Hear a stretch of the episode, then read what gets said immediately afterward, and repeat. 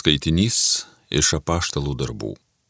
Kai atvykome į Romą, Pauliui buvo leista apsigyventi atskirame bute su serginčiu jį kareiviu. Po trijų dienų jis pasikvietė pas save žydų vadovus. Jiems susirinkus jis prabilo - broliai. Nors aš nesu nusikaltęs nei tautai, nei papročiams, buvau Jeruzalėje suimtas ir atiduotas į romėnų rankas. Tie ištardę norėjo mane paleisti, nes nerado jokio mirties verto nusižengimo. Kadangi žydai prieštaravo, turėjau šauktis ciesoriaus, tik tai ne tam, kad apkaltinčiau tautą. Dėl šios priežasties aš norėjau su jumis pasimatyti ir pasikalbėti. Juk aš nešioju šitą grandinę dėl Izraelio vilties. Paulius pasiliko gyventi savo išsinuomotame bute ištisus dviejus metus ir priminėdavo visus savo lankytojus. Jis skelbė Dievo karalystę ir visiškai laisvai, netrukdomas, mokė apie Jėzų Kristų. Tai Dievo žodis.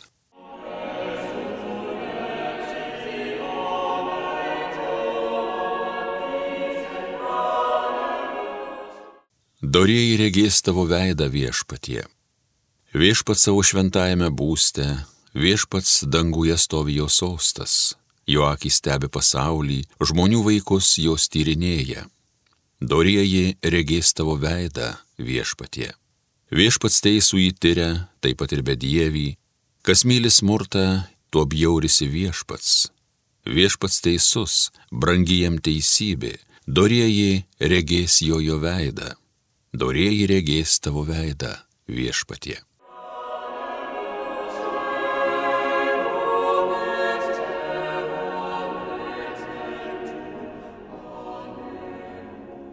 Aš jums atsiųsiu tiesos dvasę, sako viešpats, įves jūs į tiesos pilnatvę.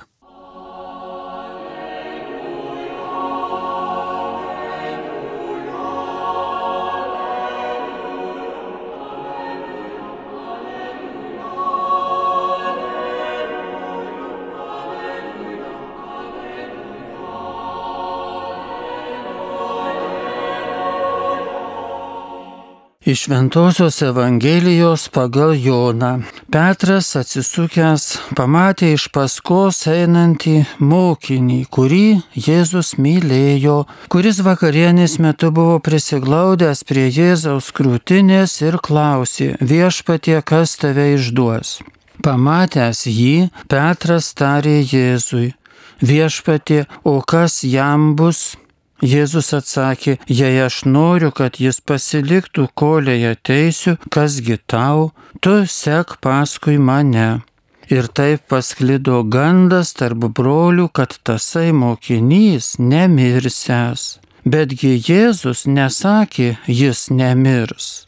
Tik, jei noriu, kad jis pasiliktų, kolėje teisiu, kasgi tau, Tai ir yra mokinys, kuris liūdija apie tuos dalykus ir juos aprašė. Ir mes žinome, kad jo liūdėjimas tikras. Yra dar daug kitų dalykų, kuriuos Jėzus padarė. Jeigu juos visus atskirai aprašytume, manau, visas pasaulis nesutalpintų knygų, kurias reikėtų parašyti.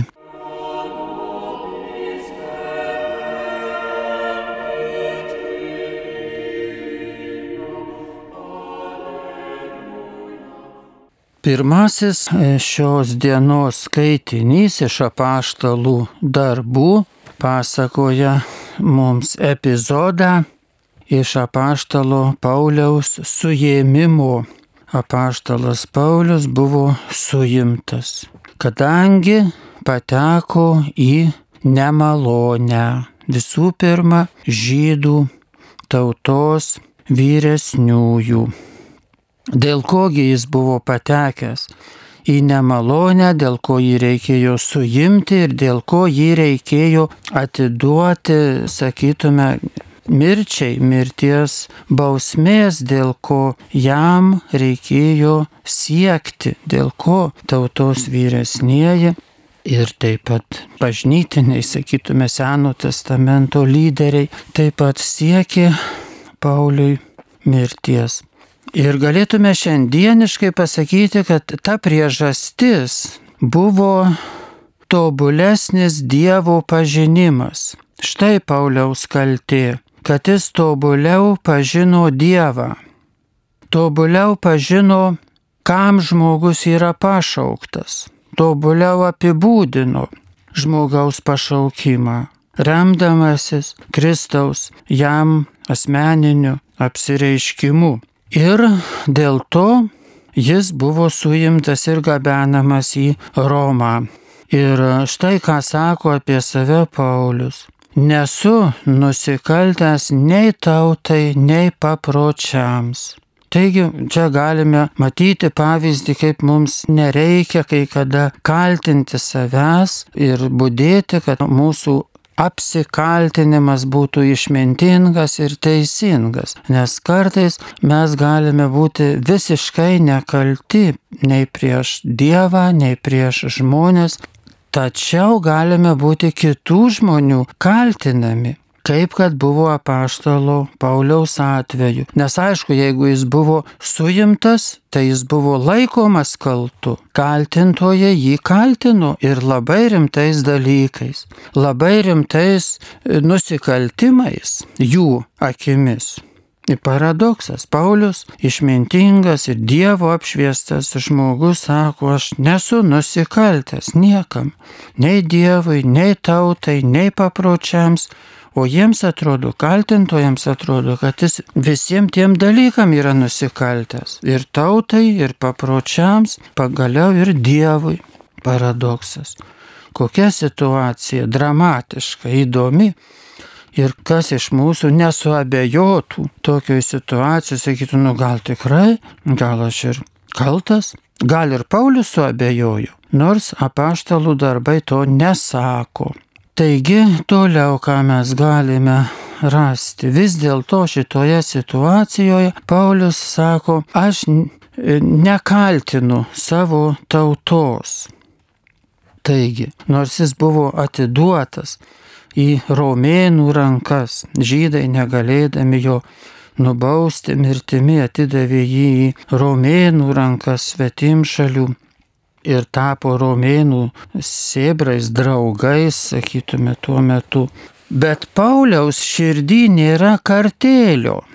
Jis neapmaudauja, ne, nekeikia ir nepyksta ant tų savo priešų, nei žydų, nei romėnų. Ir šitoje istorijoje, kur Paulius suimtas, netgi nekarta paminėta, kad romėnų kareiviai, prižiūrėtojai gerbė Paulių. Ir Paulius su meile, su pagarba žvelgia į tuos kareivius, kurie jį lydėjo, saugojo toje jos suėmimo kelionėje į Romą. Ir dar dėl ko galėtume e, sakyti, dėl ko Paulius pateko į tokią situaciją, kurią jis išnaudojo, taip pat kaip apaštalų darbai sako, išnaudojo, kaip mes galėtume sakyti, nu tiesiog pozityviems darbams, nežiūrint to, kad jis buvo suimtas, vežamas į Romą ir galbūt nujauti, kad tai jo paskutinė gyvenimo kelionė, jis išnaudojo laiką kaip, kaip galima geriausiai. Ir dėl ko? Taigi dėl ko visa šita jo suėmimo kelionė, tas suėmimo įvykis. E, galime sakyti, kad tai atskleidžia mums ir tas posmelis prieš Evangeliją, kai Jėzus sako, atsiųsiu jums tiesos dvasę. Ji jūs ves į tiesos pilnatvę.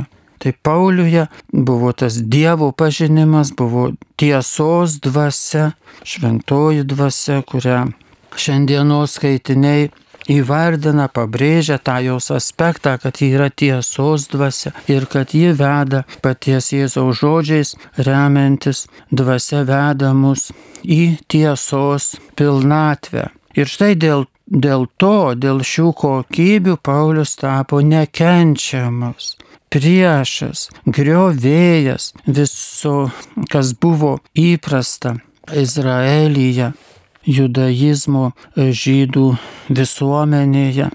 Dėl to, kad tiesa, tiesos dvasia ir tiesos pilnatvė buvo jo širdyje, jo gyvenime. Ir Ką dar randame šitame epizode? Paulius sako, nešioju šitą grandinę dėl Izraelio vilties. Matome, kaip čia jis pozityviai masto tą suėmimą įvardintamas kaip grandinę, nes iš tikrųjų taip ir buvo. Taigi jis nešioja grandinę, suėmimą ir pagaliau jam grėsiančią mirtį, netuščiai, nebe prasmės, bet dėl Izraelio vilties. Kitai žodžiais tariant, dėl Izraelio arba ir visos žmonijos bažnyčios, kuri, nu, kaip naujasis Izraelis, bažnyčia, dėl jos perspektyvos. Tai, ką jis kenčia, yra e, žmonių akimis, tų jo pasmerkėjų akimis, tai kažkoks tai nusižengimas, sugalvotas, išgalvotas, primestas. Tačiau iš tikrųjų tai yra Pauliaus dalyvavimas, galėtume sakyti, Jėzaus atperkamojoje misijoje, nes Paulius dabar tokia testinėje savo Golgotoje, iš pradžių tokioje, sakytum, komfortabilioje Golgotoje, nes jis tiesiog gabenamas į Romą, toje kelionėje leidžiant jam, nu, ganėtinai, kiek galima, be laisvių, bet naudotis patogumais. Tačiau vis tiek jis yra belaisvis ir vis tiek šita jo visa kelionė yra panaši į jo mokytojo, to mokytojo, kuris jam asmeniškai apsireiškė Golgotos kelią, nes Paulius šitas grandines, šitą nelaisvę ir būsimą mirtį prisijima labai sąmoningai ir taip pat dėl žmonių išganimo dėl tos žinios, kurią jis atneša, dėl to tobulesnio Dievo pažinimo. Jis eina ryštingai suėmimo, nelaisvės ir vėliau mirties keliu į savo mirtį, bet ir į savo šlovę.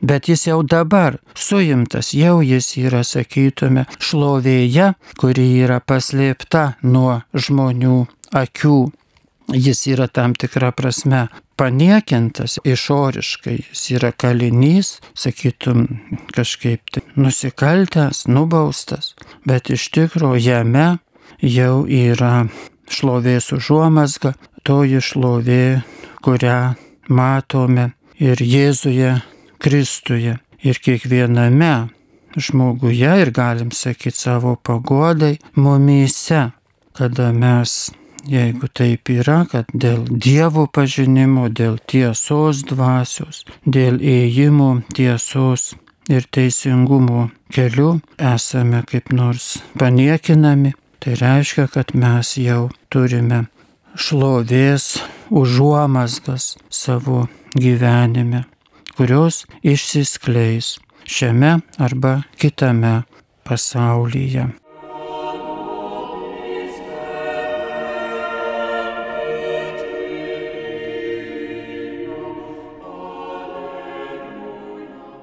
Homilija sakė profesorius, habilituotas teologijos mokslų daktaras kunigas Romualdas Dulskis.